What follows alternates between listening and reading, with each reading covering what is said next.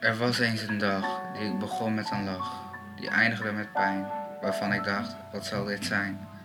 Een dag met afscheid en een nieuw beleid. Ineens had ik broertjes en zusjes, ik miste mama's kusjes en voelde me alleen. Waarom moet ik hierheen? En het snapt het niet. Ik voelde alleen maar verdriet, gedachten maakten me bang.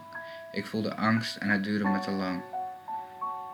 Zoveel dagen, zoveel tranen, het was niet weg te banen. Dit was mijn verleden en het werd weer heden.